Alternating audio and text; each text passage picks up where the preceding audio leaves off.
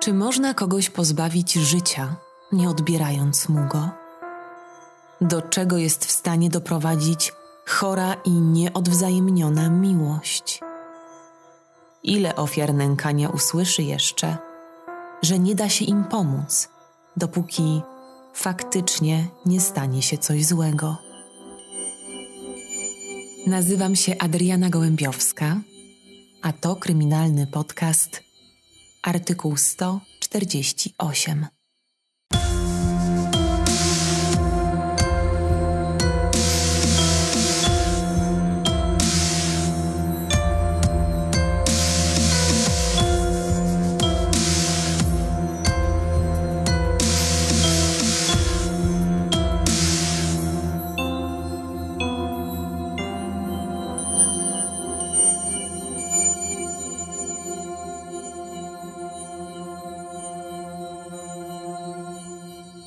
Jest 1959 rok. Szesnastoletnia wówczas Marianna Kaim idzie na prywatkę do swojej przyjaciółki Urszuli. Ale gdy tylko przekracza próg domu koleżanki, już wie, że nie będzie bawiła się dobrze. On też tam jest. Jest wszędzie tam, gdzie ona. Walczyk, gdy tylko widzi dziewczynę, szczerzy zęby i pijany mamrocze – Będziesz moją żoną, zobaczysz. Ignorowanie go przez cały wieczór zdaje się jednak na niewiele, bo około 22, kiedy nastolatka chce niepostrzeżenie wymknąć się z przyjęcia i wrócić do domu, ten zachodzi jej drogę w przedpokoju i łapie za ramiona. Jeden z kolegów, widząc skrępowanie na twarzy Marianny, podchodzi do niej i proponuje, że pójdą razem – końcu mieszkają w sąsiedztwie. I tym sposobem udaje jej się wyswobodzić z uścisku natręta. Przez kolejny tydzień postanawia nie chodzić na treningi, bo co zrobi, kiedy znów go spotka? Co tym razem może przyjść mu do głowy? Bała się coraz bardziej. Na pytanie matki, dlaczego opuszcza ukochane zajęcia, kłamie, że nie czuje się dobrze, Tyle, że mama o prawdziwym powodzie tych nieobecności dowie się znacznie wcześniej niż dziewczyna przypuszcza. Jeszcze tego samego tygodnia, w sobotnie popołudnie, ktoś wali do drzwi domu państwa Kaim. Zaskoczona pani domu dobiega do wejścia, w którym stoi trener jej córki, Kazimierz Walczyk. Z zapleców wyciąga bukiet kwiatów i flaszkę wódki – patrząc prosto w oczy kobiety, prosi ją o rękę Marianny. Zmieszana całym zajściem kobieta próbuje absztyfikantowi delikatnie wytłumaczyć, że przecież dziewczyna jest jeszcze bardzo młoda. Za chwilę będzie pisała maturę i choć stara się całą tę sytuację jakoś obrócić w żart, widzi, że twarz Kazimierza ciemnieje. Jego oczy lekko się zwężają, a usta wykrzywia grymas. Nagle mężczyzna rzuca bukiet kwiatów przed nogi niedoszłej teściowej, zbliża się do niej niebezpiecznie blisko i butem miażdży róże, które pozostawiają na chodniku ślad czerwony niczym krew. A robiąc to, przez zaciśnięte zęby mówi do matki: Maturę to ona zrobi na cmentarzu.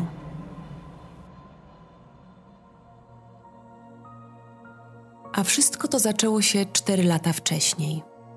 Zupełnie niewinnie. Mieszkająca razem z rodzicami w Cerekwi, niewielkiej osadzie pod Radomiem, dwunastolatka zawsze wyróżniała się na tle swoich koleżanek umiłowaniem do zajęć fizycznych, a szczególnie do biegów, skoków w dal i wreszcie łyżew. Marianna, czy jak nazywali ją najbliżsi Marysia, urodziła się 13 maja 1943 roku. Rodzice zawsze na piedestale stawiali naukę, więc gdy młody trener Radomianki zaczepił kiedyś mamę dziewczynki i spytał, czy ta mogłaby chodzić do niego na treningi sportowe, mama nie była tym pomysłem zachwycona. Jednak niezwykle uprzejmy i grzeczny młodzieniec Zapewniał, że dziewczynka nie opuści się w nauce, a dodatkowe zajęcia fizyczne to świetny sposób na rozładowanie energii, która wręcz roznosiła Kaimównę. Ojciec nieco przychylniej podszedł do tego tematu, ale ostatecznie pod wpływem wdzięku nauczyciela zgodziła się i matka. Miejscowi bardzo cieszyli się z wyboru nowego trenera. Kazimierz Walczyk, 22-letni wtedy mężczyzna, był stąd. Wszyscy go znali od dziecka. Zawsze grzeczny, sympatyczny i wyjątkowo przystojny. Głównie z tego powodu zajęcia fizyczne w tej niewielkiej miejscowości stały się nagle bardzo popularne wśród młodych dziewcząt. Ale Kazimierz nigdy nie przekraczał żadnej granicy. Był bardzo profesjonalny i liczyły się dla niego tylko wyniki. Chciał, aby jego zespół był jednym z najlepszych w Polsce. W tym czasie popularne były spartakiady, do których instruktor wychowania fizycznego przygotowywał swoje podopieczne. Marianna trafiła pod trenerskie skrzydła walczyka, gdy miała 12 lat. Dziewczynka lubiła młodego instruktora, ale właściwie od pierwszego treningu można było wyczuć dziwną relację między tą dwójką. Kazimierz był w stosunku do dziewczynki oschły i zdecydowanie bardziej wymagający niż w przypadku pozostałych zawodniczek. Sam tłumaczył to tym, że od faworytek zwykle wymaga się więcej i mniej im się wybacza. A zakochana w lekkoatletyce Marianna zdawała się zupełnie nie zwracać na to uwagi. Poświęcała się treningom bez reszty i szybko zaczęła zdobywać pierwsze nagrody na turniejach. W 1955 roku niespełna 13-letnia dziewczynka podczas szkolnych igrzysk harcerskich wygrała w kategorii skoków z wyż, pozostawiając za sobą daleko w tyle znacznie starsze i bardziej doświadczone koleżanki. Wszyscy wiedzieli, że ta drobna zawodniczka zrobi kiedyś zawrotną karierę sportową. Największą miłością Marysi były jednak łyżwy. Pierwsze dostała od swojego ojca. Odtąd, gdy tylko pojawiał się lud na stawie, Marianna z niego nie schodziła. Była tak szybka, że żaden z kolegów nie mógł jej dogonić. I choć trener był z niej bardzo dumny, to zaczął wymagać jeszcze więcej. Nierzadko krzyczał na nią podczas treningów i wytykał najmniejsze błędy. Koleżanki często pytały Mariannę, czy nie jest jej przykro. Ta jednak stawała przy swoim. Chce być najlepsza a on mi w tym pomaga. Wprawdzie niektórzy mieli wrażenie, że na Kaimównie jest wywierana zbyt duża presja. Jednak ona na sali treningowej czuła się bardzo bezpiecznie. Tam było jej miejsce. Gdy zimą tego samego roku zmarł jej ojciec, to właśnie na sali treningowej spędzała mnóstwo czasu, szukając w dodatkowych zajęciach ukojenia. Tak mijały kolejne miesiące. Szkoła, dom, treningi. Wszyscy byli zachwyceni młodym i pełnym zapału trenerem, który razem ze swoimi dziewczętami wygrywał zawody i spartakiady w całym regionie. Walczyk był również zaangażowany w życie szkoły. Zapraszano go na wycieczki, a także różne zabawy w roli opiekuna. I chociaż nie był dużo starszy od swoich podopiecznych, to ci darzyli go szacunkiem, a nawet podziwem. I w porównaniu do innych, znacznie dojrzalszych belfrów, chętniej spędzali z nim czas i słuchali jego poleceń. Właśnie podczas jednej z takich szkolnych zabaw w 1957 roku doszło do sytuacji, która odmieniła życie 14-letniej wówczas Marysi. Dziewczyna cały wieczór brylowała na parkiecie – za jej wysportowanym ciałem wodziły oczy wszystkich młodzieńców. A gdy tylko z adaptera popłynęły utwory Mieczysława Foga, w kolejce o wspólny taniec kajmówną ustawił się rząd kawalerów. To fakt. Śliczna i roześmiana dziewczyna mogła przebierać w adoratorach. Kiedy ona wspaniale się bawiła, pod ścianą w cieniu stał Kazimierz Walczyk. On również nie spuszczał z niej wzroku. Ale mężczyzna nie podzielał entuzjazmu swojej zawodniczki. Gryzł nerwowo zapałkę między zębami, a jego oczy ciemniały z minuty na minutę. Kiedy tylko zorientował się, że Marianna samotnie kieruje się w stronę wyjścia, ruszył w jej kierunku.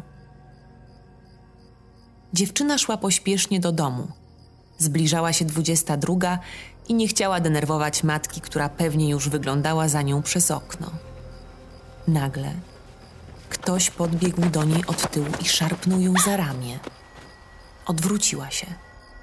I gdy zobaczyła przed sobą znajomą sylwetkę trenera, szczerze się uśmiechnęła. Jednak trwało to zaledwie sekundę, bo po chwili na jej twarzy pojawił się wyraz zdziwienia, a może nawet strachu. Walczyk stał przed nią zupełnie blady i dyszał z wściekłości. Widzę, że się świetnie bawiłaś, wycedził. A co? Nie wolno? Odpysknęła Marianna. Ale ze mną to nie zatańczyłaś, kontynuował trener. Kiedy zaczęła się tłumaczyć, że to chyba nie przystoi, żeby dziewczyna i to młodsza mężczyznę do tańca zapraszała, ten podszedł do niej i uderzył ją w twarz. Marianna zamilkła. Trzymając się wciąż za policzek, stała w osłupieniu. Zupełnie nie mogła się poruszyć. Patrzyła, jak mężczyzna odwrócił się od niej w milczeniu i poszedł przed siebie. Dopiero po kilku minutach była w stanie iść dalej. Wciąż nie docierało do niej, co właściwie się stało. Czym sprowokowała Kazimierza? Dlaczego on ją uderzył? Nie chciała jednak martwić swojej mamy i postanowiła, że nie powie jej o tym zajściu. Nie chciała problemów. Chciała tylko trenować i żeby wszystko było jak dawniej. Może on zwyczajnie się upił i jutro o wszystkim zapomni. Z tymi nadziejami pobiegła co sił w stronę domu. Niestety, gdy tylko kolejnego dnia pojawiła się na zajęciach, wiedziała, że nic nie jest jak kiedyś. Trener był wobec niej niezwykle miły i delikatny, czym natychmiast zwrócił uwagę innych zawodniczek, które szybko zaczęły plotkować i szukać przyczyny takiego obrotu spraw. Pierwszy z listów od Kazimierza znalazła kilka dni później, przebierając się z innymi dziewczętami w szatni. Kiedy otworzyła swoją torbę, na podłogę wypadła koperta, a w niej wierszem pisane miłosne wyznanie, pełne marzeń i tęsknoty. O swoich uczuciach. 24-letni Kazimierz nie mówił czternastolatce wprost, choć jego zachowanie podczas treningów było jednoznaczne. Gdy tylko wyjeżdżał na obozy bez swojej ukochanej, natychmiast do domu rodziny Kaim przychodziły grube koperty, pełne poematów od nieszczęśliwie zakochanego, przesyconych cytatami narodowych wieszczów Norwida, Mickiewicza i Słowackiego. Ale Marianna nie odwzajemniała uczuć, którymi ją obdarzał Kazimierz. Nie tylko nie reagowała na listy, ale starała się, aby nigdy nie zostawać sam na sam z mężczyzną. Nie bała się go, w końcu teraz był dla niej niezwykle miły i delikatny, ale wiedziała, że czułaby się potwornie skrępowana, gdyby zostali tylko we dwójkę. Kazimierz natomiast robił wszystko, aby właśnie doprowadzić do takiej sytuacji. I kiedy po jednym z treningów doszło między tą dwójką do konfrontacji, Marianna, nie pozostawiając cienia nadziei, wytłumaczyła Kazimierzowi, że nie jest nim zainteresowana. Jednak on zdawał się być głuchy na słowa dziewczyny.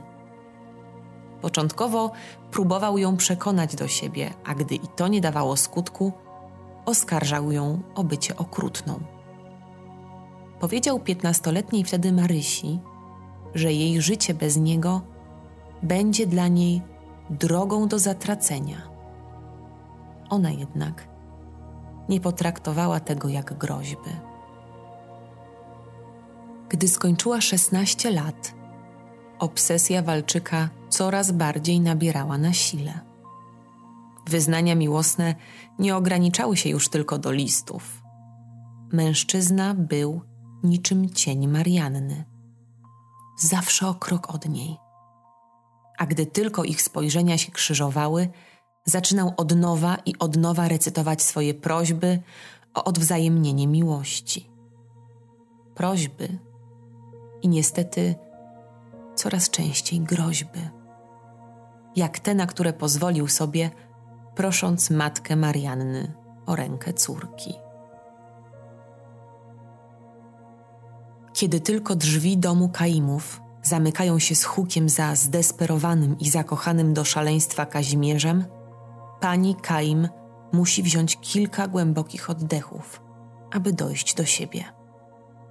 Wciąż kurczowo ściska w dłoni klamkę, jakby bała się, że młodzieniec postanowi siłą wtargnąć do ich domu.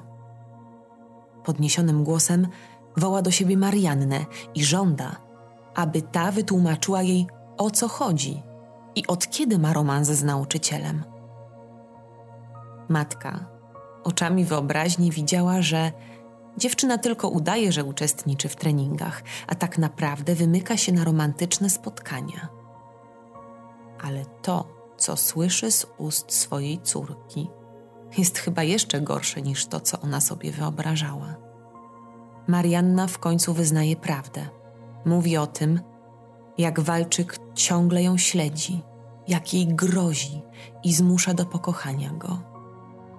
Pokazuje matce listy, które mężczyzna podrzuca jej do torby w trakcie zajęć i opowiada o tym, jak spoliczkował dziewczynę po szkolnej zabawie.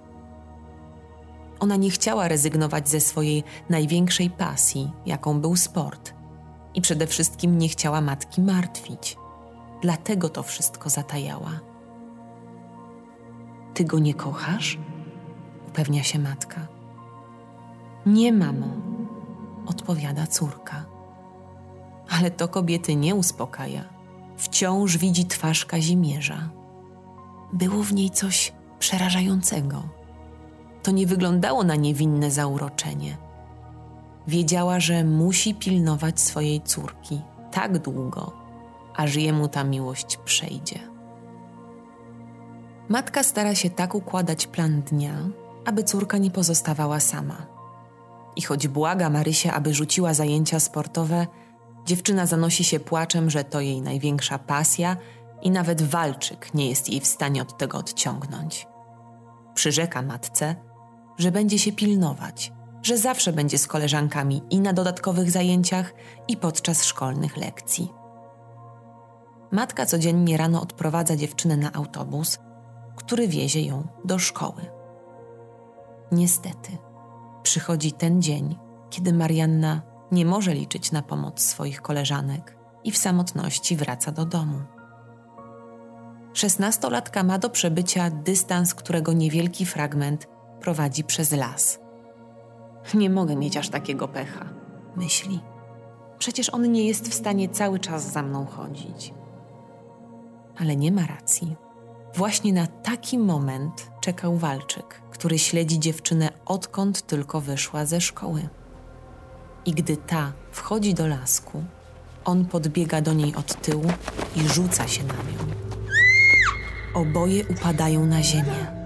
Marianna szarpie się z mężczyzną, który jak mantrę powtarza na przemian, że ją kocha, a potem, że nienawidzi jej za to, że ona nie odwzajemnia jego uczuć. Dziewczyna zaczyna płakać i woła o pomoc, co tylko wzmaga agresję Kazimierza. Nigdy cię nie pokocham, rozumiesz? Nigdy! Wrzeszczy, patrząc mu prosto w twarz. To przelewa czarę goryczy. Kazimierz wstaje i zadaje dziewczynie pierwszy cios w brzuch, a potem bez opamiętania kopie zwiniętą w kłębek, leżącą na ścieżce Mariannę. Odchodząc, odwraca się jeszcze do niej i mówi, że jej czas jest policzony. Pobitej dziewczynie z trudem udaje się dostać do domu. Gdy matka wraca z pracy i widzi posiniaczoną i wyczerpaną córkę, nieruchomieje. Nie od razu wpada na to, że to walczyk. Czy aż tak cienka jest linia dzieląca miłość od nienawiści? Lekarz pogotowia stwierdza wstrząśnienie mózgu i kilka krwiaków. Dziewczyna jest w bardzo złej kondycji psychicznej i nie chce przyznać medykowi, co tak naprawdę się stało. Ten jednak, wychodząc z pokoju, słyszy, jak córka szepcze do matki: On mnie w końcu zabije. Wraca do łóżka pobitej i oświadcza, że nie ruszy się stąd, dopóki kobiety nie wyznają mu całej prawdy. Gdy tylko Marianna kończy opowiadać o tym, co ją spotkało, lekarz natychmiast wzywa milicję. Ci po pół godziny docierają do szpitala, spisują zeznania dziewczyny i kierują się wprost do domu walczyka. Kazimierz trafia do aresztu, ale po wstępnym przesłuchaniu zostaje zwolniony i po niespełna 48 godzinach znów jest na wolności. Podobnie jak jego ofiara, on też wraca do wioski. Tyle tylko, że mężczyzna bezkarnie przechadza się po miejscowości i rozpowiada wszystkim o tym, że to brednie, że Marianna się na nim mści i wymyśla niestworzone historie. W tym czasie matka z córką drżą ze strachu, zabarykadowane w obawie, że furiat znów zaatakuje dziewczynę. Wkrótce jednak mężczyzna staje przed sądem. Postawiono mu dwa zarzuty: groźby karalne oraz naruszenie nietykalności cielesnej. I tak w 1960 roku sąd skazuje go na 10 miesięcy więzienia w zawieszeniu na 3 lata. Obrońca Kazimierza próbuje winą obarczyć poszkodowaną. W jego opinii dziewczyna miała bawić się uczuciami pozwanego, a ten zwyczajnie nie wytrzymał. Dowodami potwierdzającymi tę teorię mają być miłosne listy, które Kaimówna wciąż przechowuje. Pomimo zeznań kilku świadków, którzy widzieli, jak walczyk śledził i groził Mariannie, nie brakuje też głosów bagatelizujących całą sytuację. Ot, chłopak się zakochał, a dziewczyna nie ale znaleźli się i tacy, którzy próbują przekonać dziewczynę, żeby dała szansę zakochanemu mężczyźnie, tłumacząc, że nikt jej tak nie będzie kochał jak on. Może teraz te 10 lat różnicy między nimi to sporo, ale za chwilę to się zatrze. Sąd również podchodzi do sprawy pobłażliwie. Walczyk ma nieposzlakowaną opinię.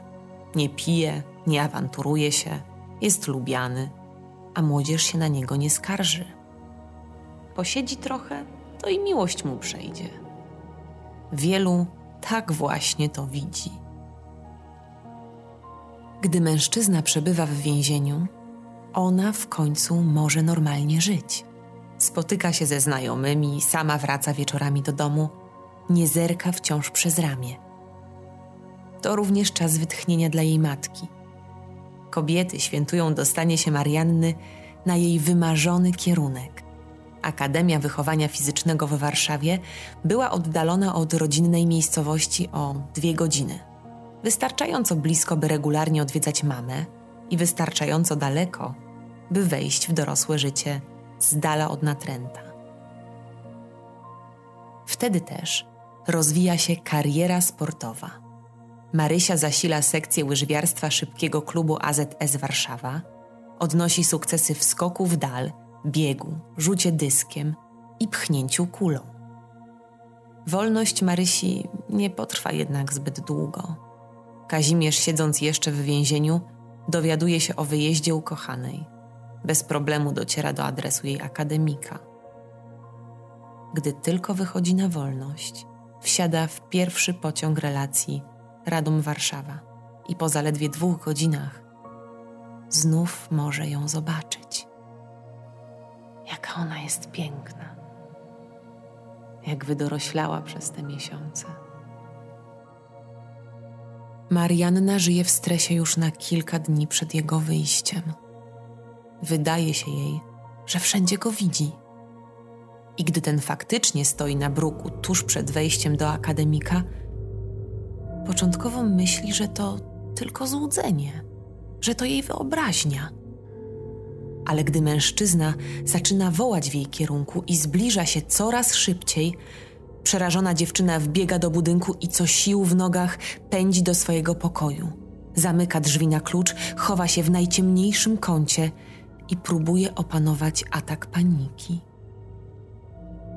Po kilkunastu minutach walki o oddech wstaje i ostrożnie wygląda przez okno. Walczyk wciąż tam jest. Ten wieczór Marianna postanawia spędzić w kompletnej ciemności. Nie śpi ani minuty. To znów się zaczyna. Mężczyzna staje się stałym bywalcem warszawskich Bielan, gdzie mieści się uczelnia i akademik Kajmówny. I chociaż podczas procesu zarówno przełożony, jak i koledzy z pracy bronili go, to po odbyciu kary nie przedłużono z nim współpracy. Rodzina natomiast, widząc, że te kilka miesięcy w izolacji nie ochłodziło jego uczuć względem Marianny, eksmituje go z domu. Ale Kazimierz wcale się tym nie przejmuje. Podejmuje kilka prac dorywczych i sypia kątem u znajomych. W końcu ma bardzo dużo czasu na to, co dla niego najważniejsze na odzyskanie swojej ukochanej. Śledzi ją, doskonale zna rozkład zajęć dziewczyny. Kojarzy jej przyjaciół, aż w końcu jakimś sposobem udaje mu się ustalić numer jej pokoju. Znów zaczyna zasypywać ją miłosnymi listami, w których pisze, że wybacza jej wydanie go milicji, ale z każdym kolejnym coraz więcej w nich wyrzutów i gruźb. Dziewczyna jest osaczona, a walczyk zupełnie się nie kryje. Podąża za nią krok w krok. Gdy ta przystaje, on robi to samo. I tak do zakończenia letniego semestru. Na prośbę mamy, Marianna wraca na wakacje do domu. Kobieta obawiała się, że bez kolegów dziewczyna w Warszawie będzie w niebezpieczeństwie. Ale szybko okaże się, że to w Cerekwi będzie zagrożona. 20 lipca 1961 roku, zaraz po tym jak Marianna wraca do rodzinnego domu, prosi swoją koleżankę Elę, aby razem z nią pojechała na grób ojca. Tak dawno tam nie była, a na rowerach trasę liczącą 3 kilometry przejadą w mig.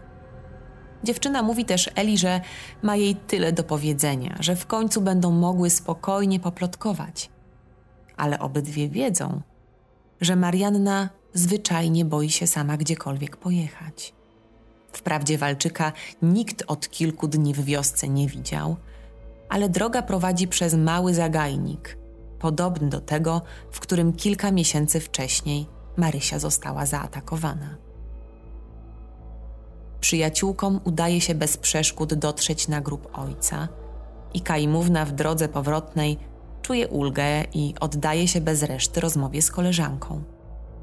Nie zauważając, jak z krzaków wybiega Kazimierz, trzymając w ręce karabinek sportowy. Nakazuje dziewczynom zejść z rowerów i gdy mierzy w ich stronę, wysportowana Marianna zeskakuje z roweru i kopie w broń tak mocno, że wytrąca magazynek. Ale Kazimierz również jest w świetnej formie. Chwyta ukochaną od tyłu i trzymając nóż na jej gardle, wrzeszczy na Ele, że zabije jej przyjaciółkę, jeśli ta nie znajdzie magazynka. Przerażona koleżanka pada na kolana i łukając przeczesuje najbliższą kępę krzaków. W pewnym momencie wydaje się jej, że słyszy jakieś głosy i zaczyna co sił wzywać pomocy. Spanikowany Kazimierz bezwiednie odsuwa nóż od gardła Marianny, a ta z impetem zadaje mu z łokcia cios w żebra i mocnym kopniakiem unieruchamia napastnika, który zwija się teraz z bólu, leżąc na ziemi.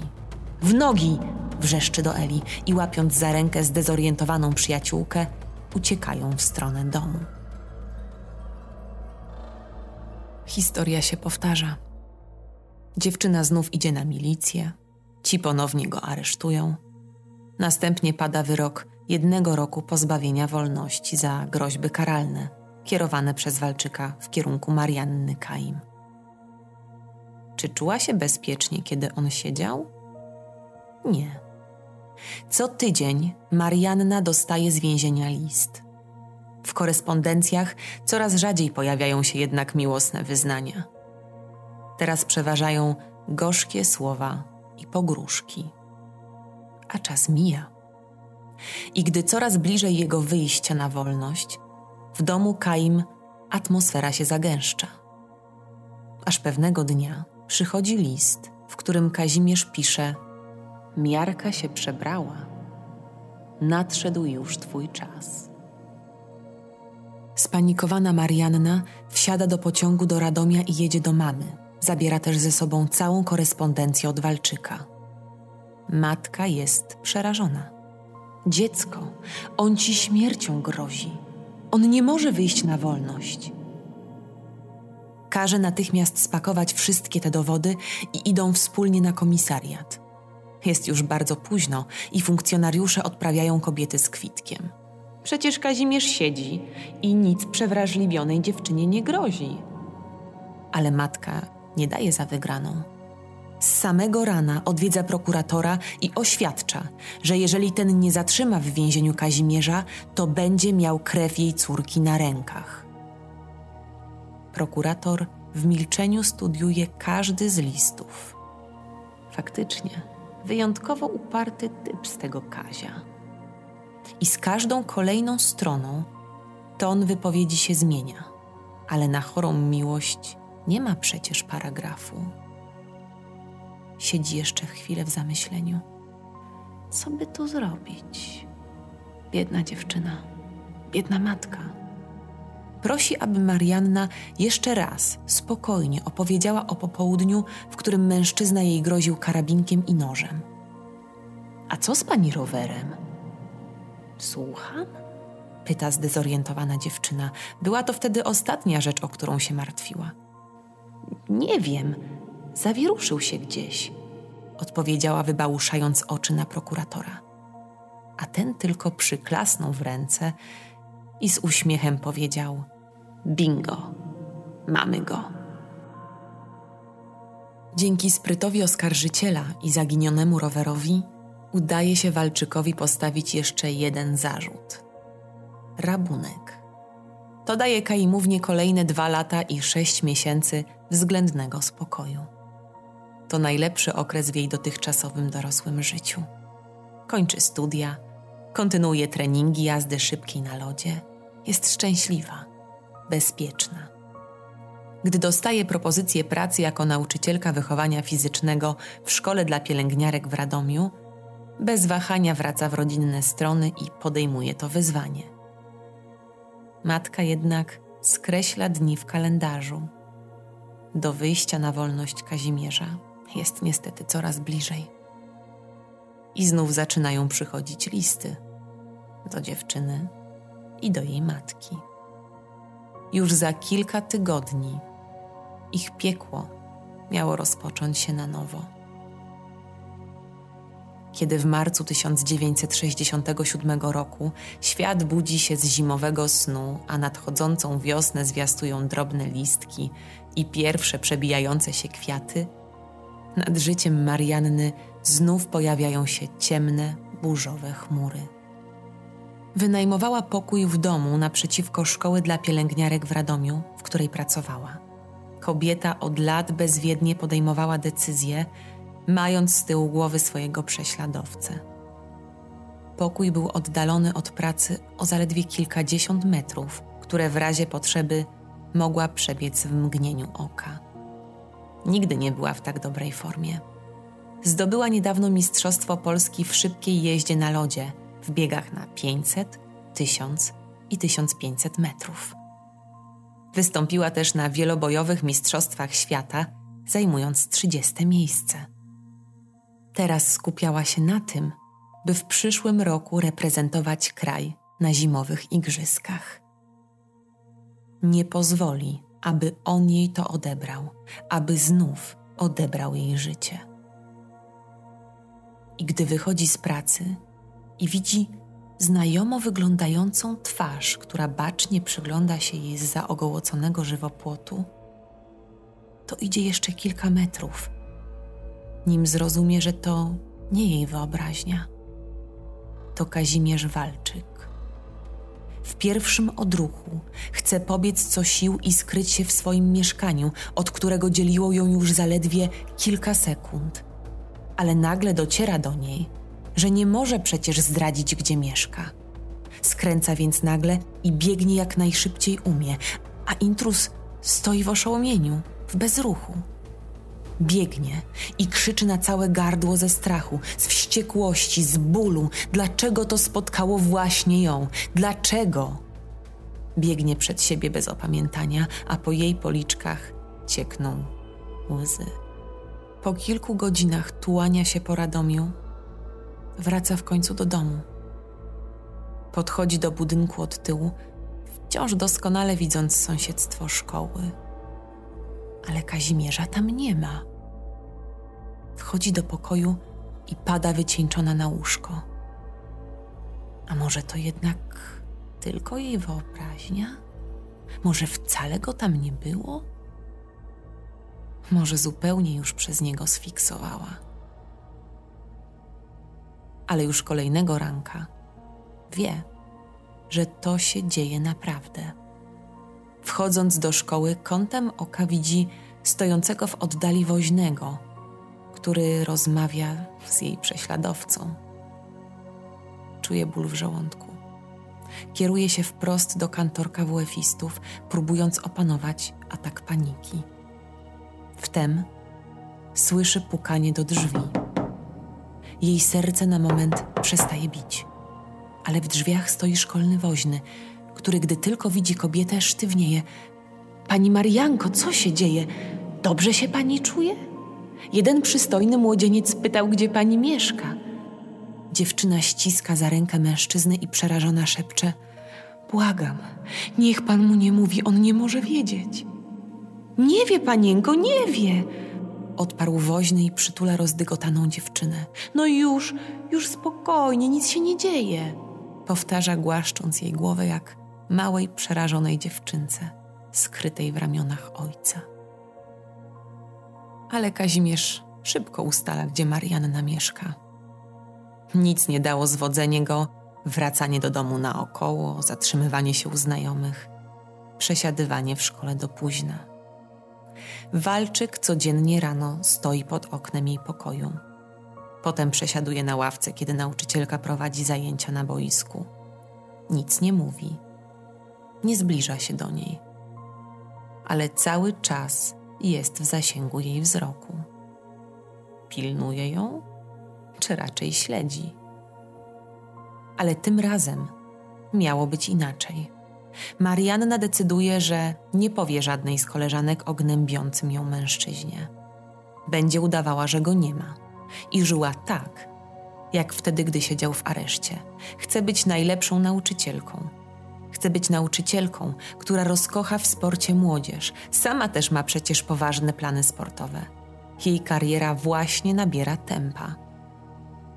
Jednak, pomimo największych starań, po latach życia w ciągłym stresie i niebezpieczeństwie, dziewczyna wciąż mechanicznie ogląda się za własne ramię. W trakcie lekcji nie skupia się na uczniach, tylko z niepokojem zerka na siedzącego na ławce mężczyznę a jeśli jego akurat tam nie ma, czuje się jeszcze gorzej, bo w jej głowie tworzą się scenariusze, co on teraz robi, co planuje.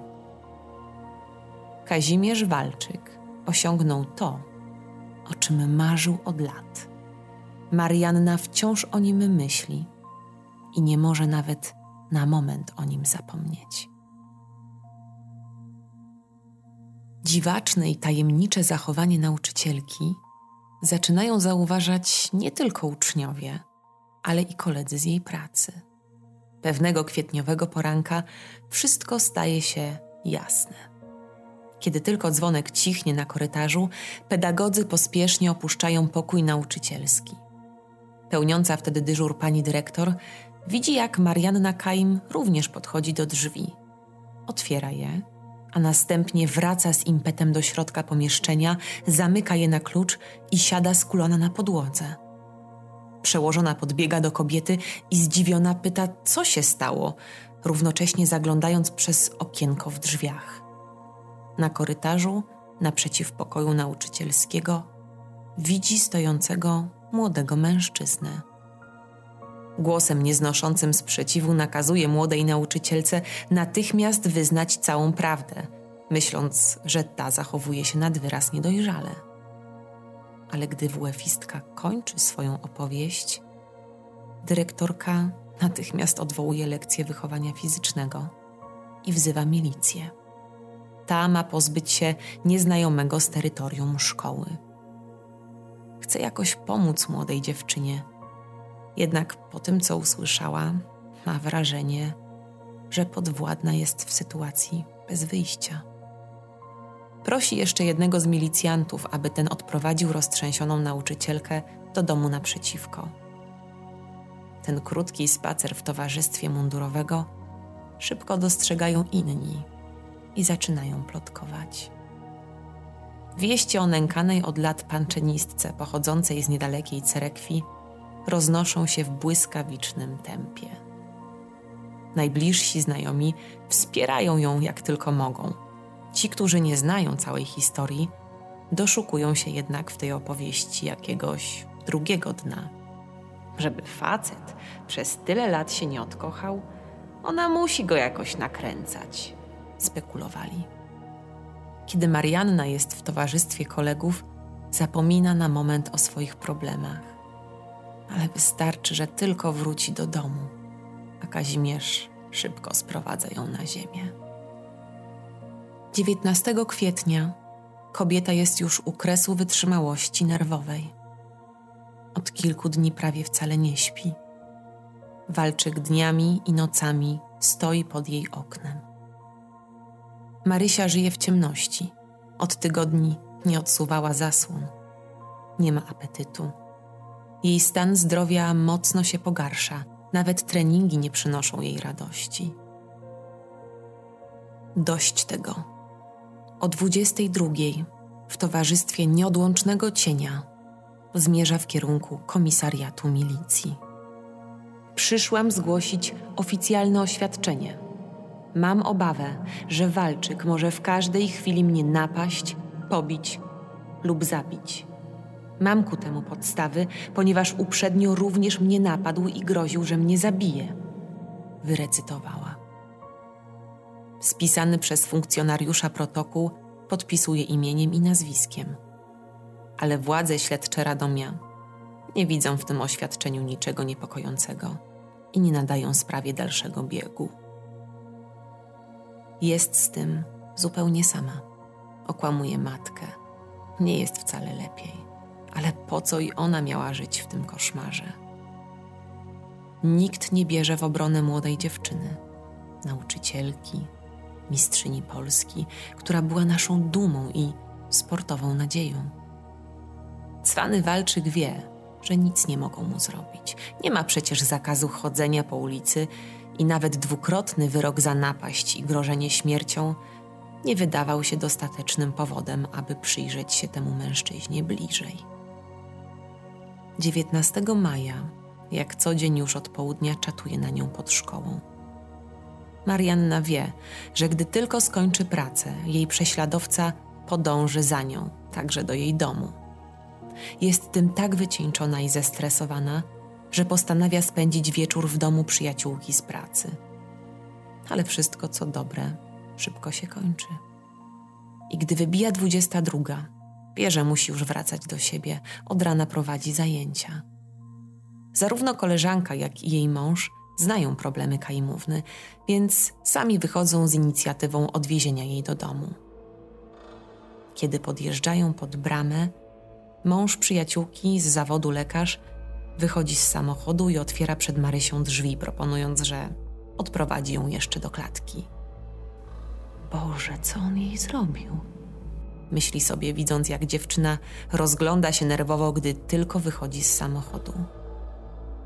Podchodzą razem do drzwi wejściowych. Znajomy otwiera je przed kobietą i nagle w ciemności widzi na klatce schodowej jakiś cień, który szybko rusza w ich kierunku. Automatycznie odskakuje na bok, niechcąco odsłaniając tym samym Mariannę. W tym momencie z mroku wyłania się walczyk. Jego twarz jest spocona, a oczy płoną. W ręce trzyma słoik z jakąś cieczą. Wszystko to trwa ułamki sekund. Napastnik bierze zamach i pierwszy chlust pada na twarz Marianny, która jest w szoku i nie zdaje sobie sprawy z tego, co właściwie się dzieje. Ale towarzyszący jej lekarz od razu rozpoznaje ten zapach i wrzeszczy do niej: Zamknij oczy! Natychmiast zamknij oczy! Łapie kobietę w pół, próbuje odciągnąć od głównych drzwi i jak najszybciej wsadzić z powrotem do samochodu. Ale gdy tylko się odwracają, Kazimierz bierze drugi zamach i reszta żrącej cieczy, którą jest kwas solny, ląduje z tyłu nóg Marianny.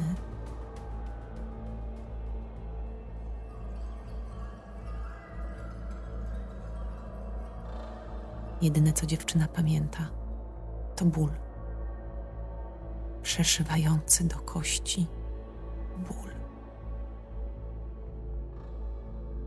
Lekarz i przyjaciółka natychmiast wiozą kobietę do szpitala.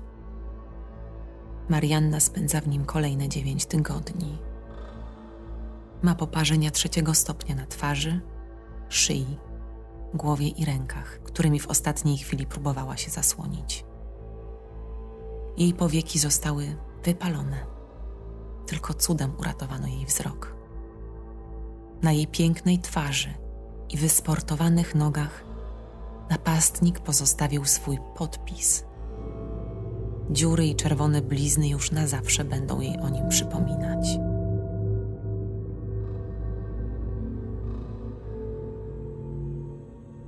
Do mistrzyni przychodzi wielu życzliwych jej ludzi i dziennikarzy, bo historia zaczyna żyć własnym życiem i w końcu ktoś się nią zainteresował. Ale do chorej lekarze wpuszczają tylko matkę. Ona potrzebuje teraz spokoju. Ból, którego doświadcza, jest nieludzki. Reporterzy, którzy nie mogą osobiście porozmawiać z ofiarą, odwiedzają prokuratora i milicję, żeby poznać tło całego zajścia. Po wyjściu ze szpitala Marianna marzy tylko o tym, aby wrócić do szkoły i do sportu. Chętnie udziela też wywiadów, wierzy, że jej historia może coś zmienić. Podczas jednego z nich mówi: Czy nie można było tego uniknąć? Przecież prosiłam, żeby mnie przed nim bronili. Mam chyba prawo do tego, aby czuć się bezpieczną. Obywatele Polskiej Rzeczypospolitej Ludowej mają prawo do ochrony zdrowia. To wynika z Konstytucji. Pytani o sprawę milicjanci mówią dziennikarzom, że znają ten przypadek doskonale. Ale co mieli zrobić? Radom to małe miasto, nie mogą oddelegować funkcjonariuszy, aby dzień i noc pilnowali kajmówny. Radomski prokurator, który oskarżył Walczyka kilka tygodni wcześniej o spowodowanie ciężkiego uszczerbku na zdrowiu, przyznaje, że jest to sprawa trudna, jedna na milion nie mogli wszczynać śledztwa przeciw człowiekowi, który tylko za kimś chodzi. To znaczy, że trzeba było czekać, aż obleje ją kwasem? Pyta reporterka. No właściwie tak, kwituje to prokurator. A czy za groźbę karalną nie można było uznać stałej obserwacji, którą Walczyk stosował wobec Marianny? Przecież wcześniej już jej groził. Pytanie dając za wygraną dziennikarka. Prokurator na to, ale on tym razem nic nie mówił. Miał prawo po swojej stronie. Z wyrazu twarzy daje się wyczytać zakłopotanie oskarżyciela, ale niestety miał rację. Dziennikarze docierają też do dyrektorki szkoły, w której pracowała Marysia. Kobieta jest szczerze poruszona losem swojej nauczycielki. Przytacza sytuację, gdy na wieść o tym, co spotkało WF-istkę, niemal 90 uczennic szkoły pielęgniarskiej pobiegło do szpitala wesprzeć swoją ulubioną pedagog. Ale przełożona mówi też, że jej zdaniem kobieta będzie musiała z zawodu zrezygnować. I nie chodzi tu o jej stan fizyczny, ale przede wszystkim psychiczny. Jest roztrzęsiona, rozkojarzona, stale się czegoś boi i większość zajęć spędza wyglądając przez okno. Tak się nie da żyć, kwituje. Podczas rozprawy przeciw Kazimierzowi zeznaje kilku świadków, którzy ze szczegółami opowiadają, jakim piekłem było życie Marianny. Pan Kupis, u którego dziewczyna wynajmowała pokój, wspomina, że nigdy nie był pewien, czy lokatorka jest w domu. Żyła w ciemności. Jej okno zawsze było zasłonięte. Była bezszelestna, jakby przez cały czas się ukrywała. Przyjaciółka Marysi, polonistka, która była świadkiem oblania kobiety kwasem, mówi, że chociaż wszyscy dziewczynę lubili, to sami czuli dyskomfort i strach. Ten facet ciągle za nią chodził. Zauważa też, że tej nocy niewiele brakowało, a i jej mąż mógł stracić wzrok. Opowiada też o tym, że i ona doznała urazu, bo gdy ściągała kurtkę z poparzonej kwasem koleżanki, kilka kropel spadło na jej spodnie, wypalając dziurę na jej kolanie. Jej zdaniem, ten człowiek zagraża nie tylko Mariannie, ale wszystkim, którzy są w jej otoczeniu. Rozprawa nagle zostaje przerwana przez wniosek obrony. Chcą skierować oskarżonego na badania psychiatryczne. Ale biegli orzekają, że Walczyk był w pełni świadomy podczas popełniania przestępstwa i nic nie stoi na przeszkodzie, aby proces wznowić. Czy od aresztowania Kazimierza w życiu Marianny coś się zmieniło? Nie, absolutnie nic. Już po kilku tygodniach od osadzenia go w areszcie śledczym znów zaczyna wysyłać te chore listy. Do Marianny pisze: Co zamierzałaś, to się stało. Z poważaniem twój Kazimierz, wraz z piosenką Nie chodź tą ulicą. Matki Marianny też nie oszczędza. Opiekuj się moją najdroższą, pisze, a wszystko będzie dobrze. Po otrzymaniu pierwszego listu Marianna przestaje wychodzić z domu, także na rehabilitację.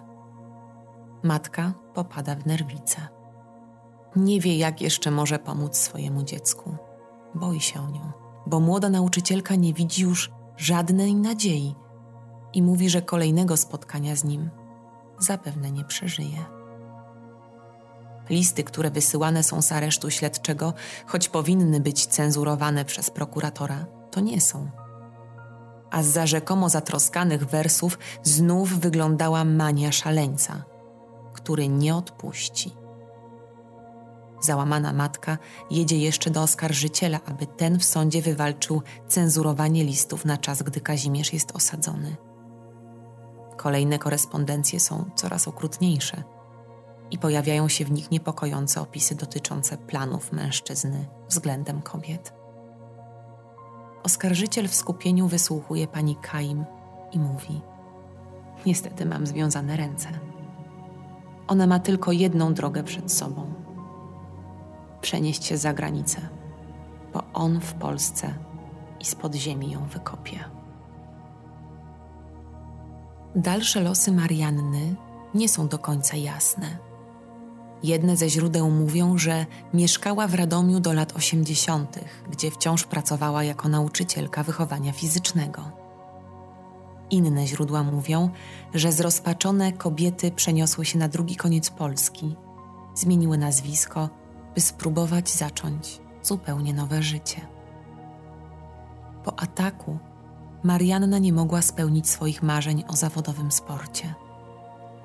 Podobno wyszła za mąż. Podobno miała dzieci. Wiadomo, że zmarła 23 października 2014 roku. A co z Walczykiem? Prawdopodobnie wyszedł pół roku wcześniej za dobre sprawowanie i słuch po nim zaginął.